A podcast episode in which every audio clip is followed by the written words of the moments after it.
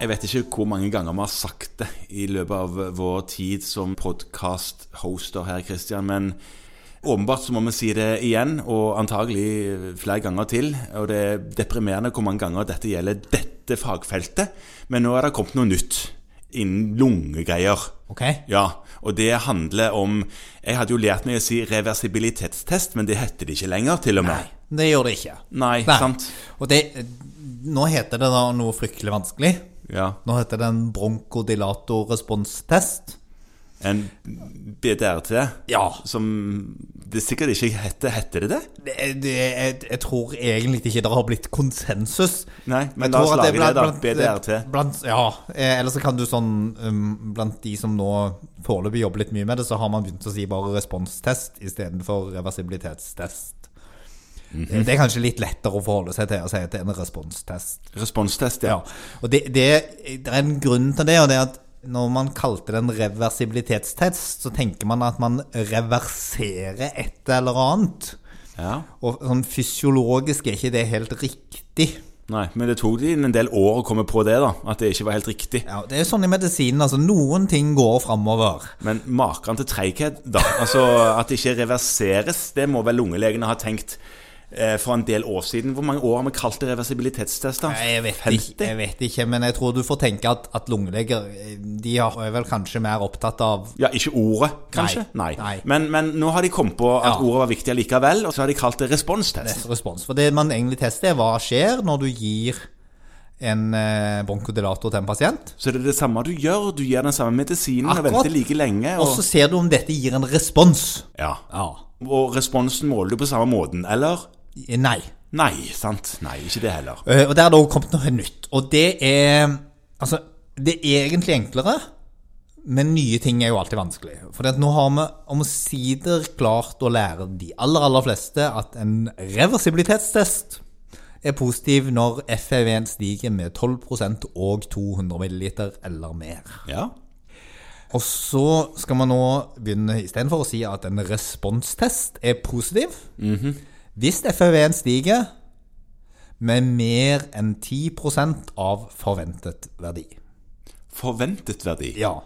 Og det som er den store forskjellen, er at her går man da i bort ifra å måle i forhold til utgangsverdien. Til den enkelte testpersonen? Ja, dette skjer jo da sånn som det alltid har skjedd, med at man først tar en spirometri, så får man en FEV1-verdi, og så gir man en dobbel dose hurtigvirkende bronkodilator, og så tar man en ny spirometri. Ja.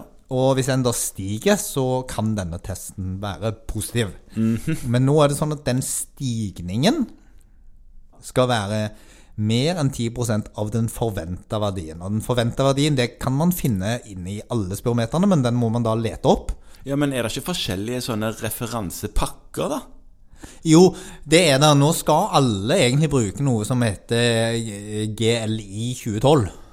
GLI. Ja, Global Lung Index. Ja, Ja, GLI, eh, GLI 21, vel det så? ja 2012. så den 2012? ja, det var da de begynte på den. Ok, Ja. de har ikke b- b- målt på ny. Nei, de, Nei, sant, så den- det blir neste gang vi den- sier at dette er gammelt, når, de, når GLI blir oppsummert. ja, er jeg, oppdatert. nå er det sånn at den revideres Ja. fortløpende. Så hvis du oppdaterer programmeren din, så skal det egentlig gå bra. ja programvaren på, på spirometer. Ja, og det må du òg da gjøre for å finne denne nye positive responstesten. Er det oppdatert i programvaren? Eh, ja, egentlig hos alle leverandørene i Norge nå så skal det være det, men du må be om å få siste versjon hos noen.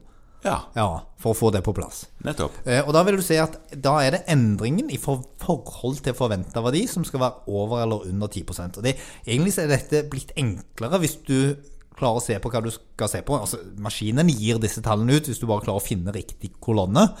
Men det er sånn at hvis denne pasienten som du har foran deg, Ola Nordmann, har en forventa FEV1-verdi på, på 4 liter, Ja. så må endringen være mer enn 400 milliliter for at testen skal være positiv. ja, uavhengig av hva Hva den Ola var Nordmann før og blåste. etterpå og alt mulig. ja. Men Da- du sier dette er fornuftig? Ja, fordi at nå tar du utgangspunkt i hvor sterkt du reagerer på en, på en medisin, Ja. uavhengig av hvor elendig spirometrien den var på forhånd. Ja. For det som var problemet før, eller problemet og problemet, men det som nok gjorde at vi fikk noen såkalt eh, falsk positive tester, Ja. var at hvis du har et veldig, veldig lavt utgangsnivå, Ja, så skal det en relativt sett liten endring til i volum ja visst, ja visst. For at den skal bli positiv. Altså, for at den skal bli en positiv test. Ja. Men det vil den jo ikke være nå lenger. Nei, nei, det vil jo ikke det. F.eks. hvis det var disse fire literne som vi har snakket om da. Ja. Si at du hadde bare halvannen liter før ja.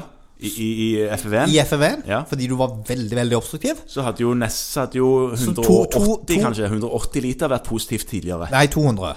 200 milliliter, for det var alltid krav om 200. Men 200 Ja, 12% milliliter ville eller vært 200, en ja, positiv selvfølgelig. test. Ja, ja. Eh, mens nå var kravet fortsatt 400 milliliter. Den testen ville ha vært negativ. Nettopp. Eh, sånn at dette er nok mer fornuftig, eh, og det er ikke så mye vanskeligere. Det er nesten lettere, men du må begynne å se på et nytt sted. Og endring det er jo ikke nødvendigvis det vi er best på, noen av oss. Nei, men la oss oppdatere programvaren og finne den GLI eh, 2012 og finne den kolonnen. Ja, Begynne der. Og så husk at du skal se på endring i prosent av forventet.